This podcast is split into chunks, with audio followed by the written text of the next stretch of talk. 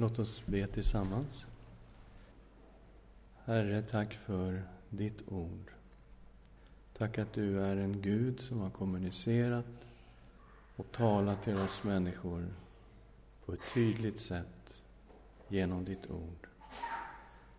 Hjälp oss, Herre, att öppna våra hjärtan och våra sinnen och ta emot ifrån ditt ord. I Jesu namn. Amen. Melodin är så enkel och de flesta kanske har hört det här några gånger nu så att det är bara att sjunga på.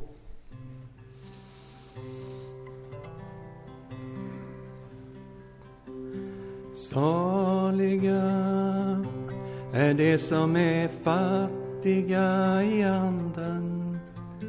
Den tillhör himmelen Saliga är de som sörjer. De ska bli tröstade. Saliga är de ödmjuka. De ska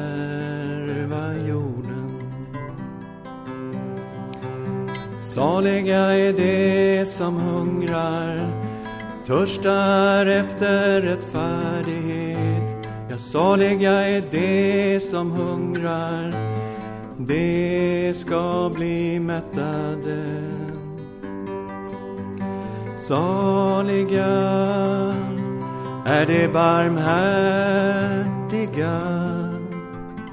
de ska få barmhärtighet. Saliga är de renhjärtade, de ska se Gud. Saliga är de som skapar frid, det ska kallas Guds barn. Saliga är de som blir förföljda för rättfärdighetens skull. Ja, saliga är de som blir förföljda, dem tillhör himmelriket. Saliga är de som är fattiga i anden, den tillhör himmelriket.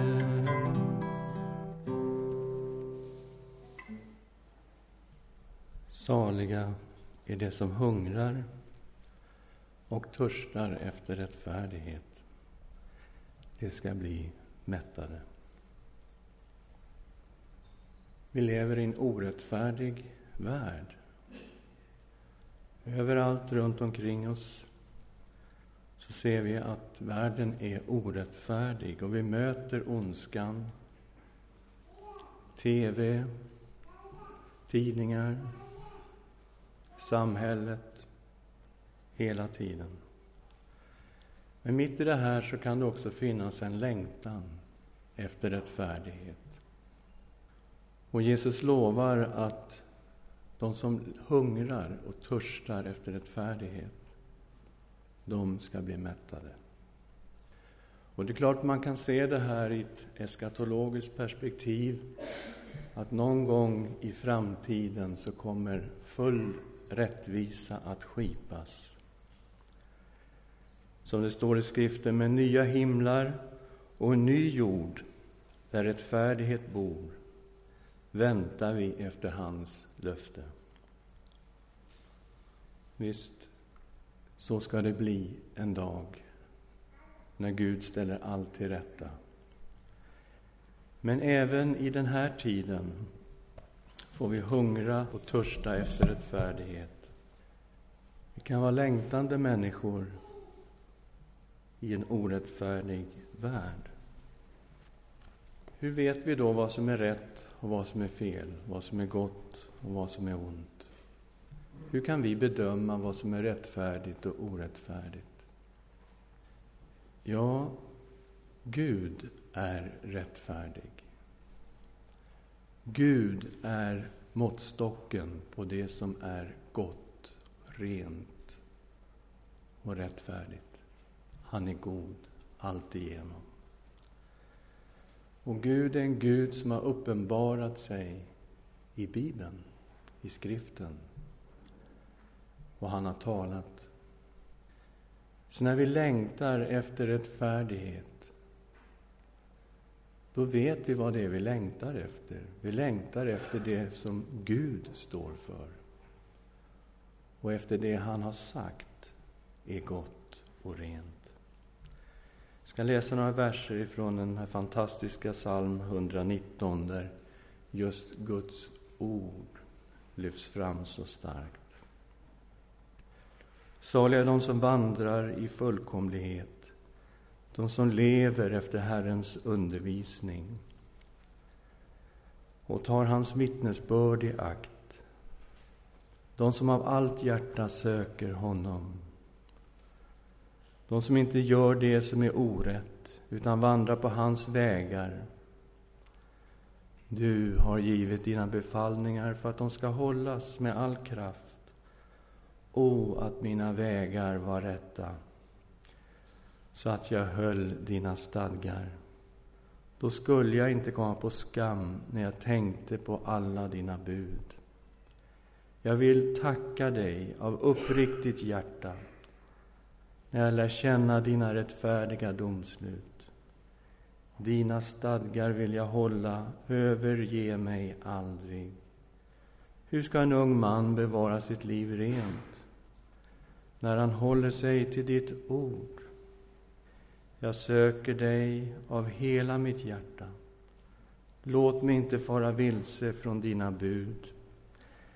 Jag gömmer ditt tal i mitt hjärta för att jag inte ska synda mot dig. Den här bönen, den här salmen uttrycker just den här längtan efter rättfärdighet, efter renhet, att hungra och törsta och psalmisten vet att det är i Gud som den här rättfärdigheten finns. Vi längtar, men misslyckas. Vi är inte syndfria. Tyvärr är det inte så. Jesus säger i sin bergspredikan i kapitel 5 av Matteus vers 20. Jag säger er att om er rättfärdighet inte går långt utöver de skriftlärdas och fariseernas ska ni inte komma in i himmelriket. Det är ett chockerande uttalande av Jesus. De mest rättfärdiga de kunde skaka fram i Israel på den tiden var just fariseerna. Det var de som hade vikt sina liv till att följa Guds bud och Guds lag. Och Jesus säger att om inte vår rättfärdighet går långt över deras, kommer vi aldrig in i himmelriket. Hur ska det gå? Hur högt har han satt ribban, Jesus? Vers 48. Var alltså fullkomliga, så som är det Fader i himmelen är fullkomlig. Där ligger ribban. En längtan efter rättfärdighet samtidigt då som vi ser att vi når inte upp. Vi når inte fram. Vi misslyckas. Det finns synd i våra liv. Men vi törstar och vi längtar. Även Gamla testamentet känner till den här längtan. Herren talade genom sina profeter. Jeremia fick bära fram många fantastiska profetior. Profetian om ett nytt förbund som Herren ska sluta en dag. Ett förbund som kännetecknas av att Gud själv ska lägga sina lagar i våra sinnen och våra hjärtan. Alla i det här förbundet ska känna Gud. Och alla ska vara förlåtna och renade som tillhör det här nya förbundet. Och han talar i ett par kapitel senare, i kapitel 33, vers 14 till 16. Se, dagar ska komma, säger Herren, då jag ska uppfylla det löfte som jag talat om Israels hus och Judahus. I de dagarna och på den tiden ska jag låta en rättfärdig telning växa upp åt David. Han ska skaffa rätt och rättfärdighet på jorden. I de dagarna ska Juda bli frälst och Jerusalem bo i trygghet och man ska kalla det så, Herren, vår rättfärdighet. Det är någonting som Gud ska göra i kommande dagar. Det är kopplat till det här nya förbundet som han ska göra. Det nya förbundet som har sådana speciella egenskaper. Och det är kopplat till en person, en telning åt David, alltså en som ska komma ifrån Davids släkt. Och genast förstår vi att det handlar om Messias. Men det Gud ska göra genom Messias är mycket speciellt. Han ska skaffa rätt och rättfärdighet på jorden. Och eh, det står att Jerusalem ska bli tryggt och Juda ska bli frälst och man ska kalla det så. Herren, vår rättfärdighet. Okej, okay, vi är orättfärdiga. Vi är inte goda alltigenom. Tyvärr är det så. Men Gud är god. Och här kommer ett begrepp som kommer att utvecklas starkt i Nya testamentet. Herren, vår rättfärdighet. Att Herren själv, den rättfärdige, den alltigenom gode, att hans rättfärdighet ska bli vår. Det är en fantastisk tanke. Det är en oerhörd tanke. Och det här är det som utvecklas i Nya testamentet. Herren, vår rättfärdighet. En rättfärdighet som kommer ifrån Gud. I Romarbrevet kapitel 3 läser vi från vers 19. Men vi vet att allt vad lagen säger, det talar den till dem som har lagen för att var mun ska stoppas till och hela världen stå med skuld inför Gud. Ty ingen människa förklaras rättfärdig inför honom genom laggärningar. Genom lagen ges insikt om synd. Alla människor ska stå med skuld inför Gud, judar och hedningar. De som har lagen, det var judarna. Ingen skulle kunna stå upp och tala emot detta. Hela världen står med skuld inför Gud.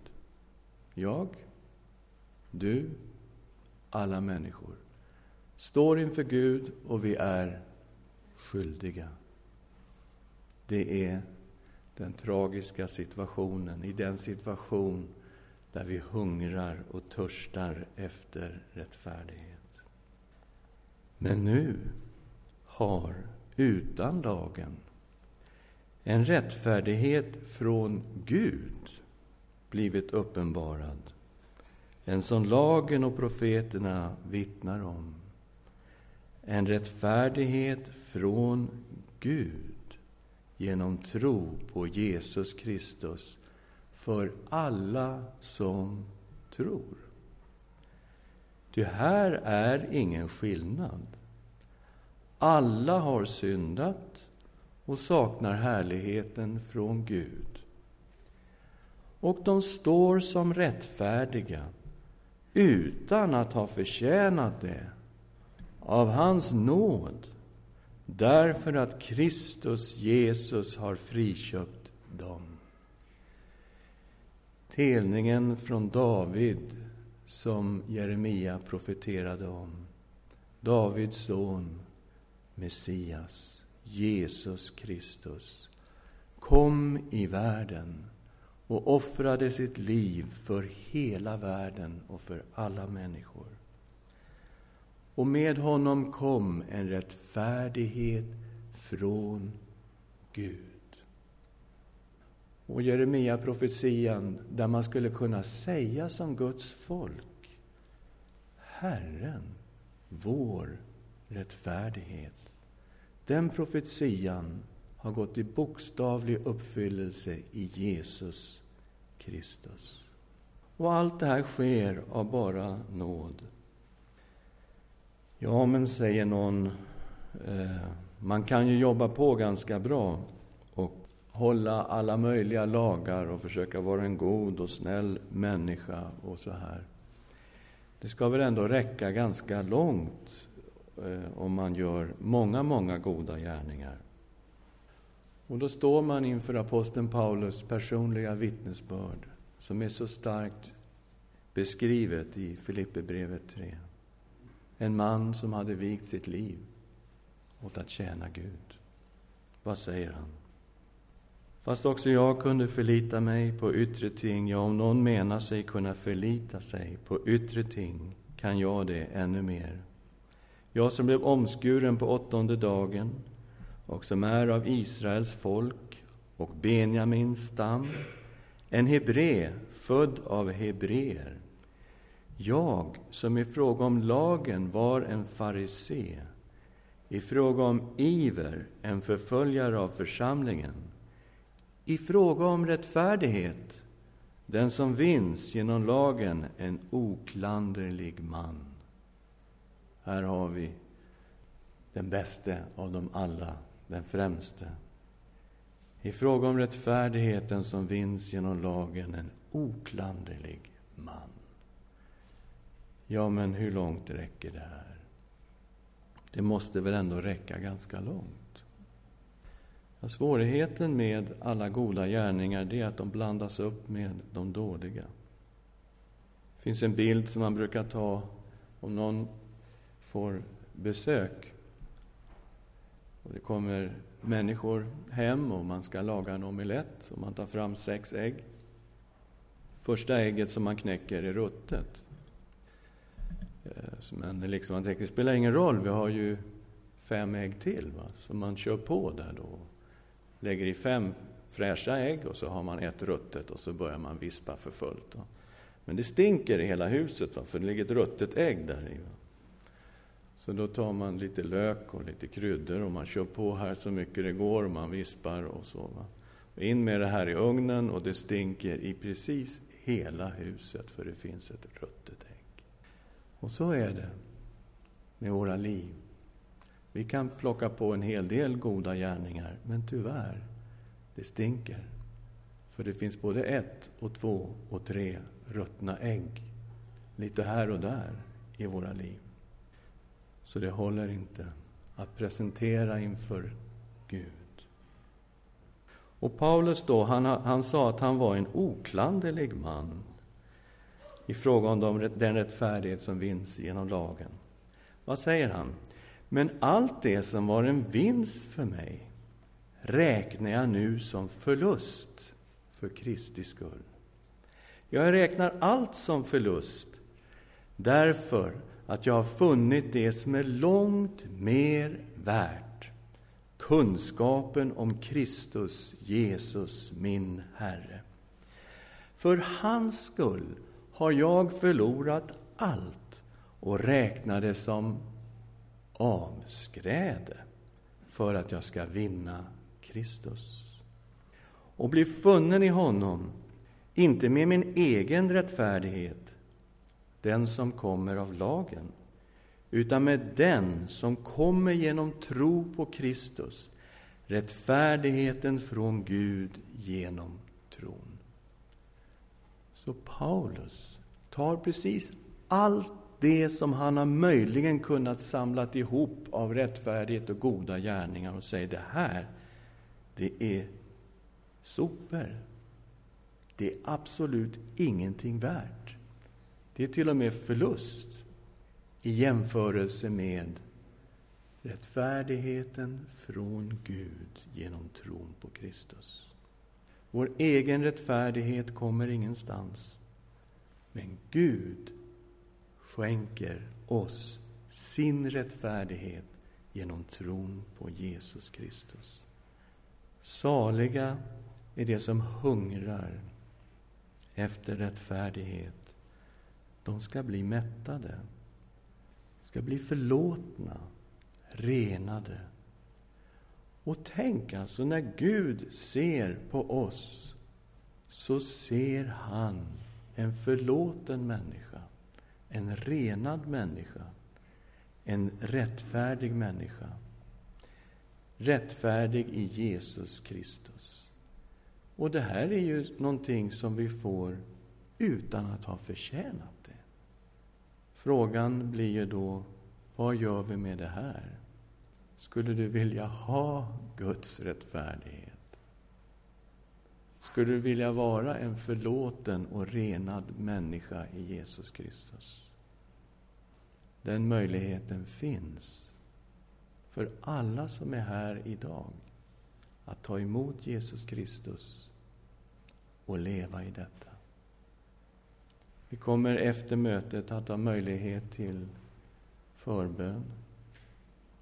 Kom fram, så ska vi samtala och du får ta emot Kristus i ditt liv. Saliga de som hungrar efter rättfärdighet, de ska bli mättade. Låt oss be tillsammans. Herre, vi lever i en värld som präglas av så mycket orättfärdighet. Och tyvärr, Herre, så finns det här också inom oss själva. Men vi längtar och vi hungrar och törstar efter rättfärdigheten som vi ser i dig. Och vi tackar dig, Herre, för det förundliga, det märkliga, att vi har fått din rättfärdighet genom tron på dig, Jesus Kristus. Tack, Jesus Kristus, att du gav ditt liv för oss. Tack för ditt blod som renar oss ifrån all synd. Du är vår Herre och Frälsare.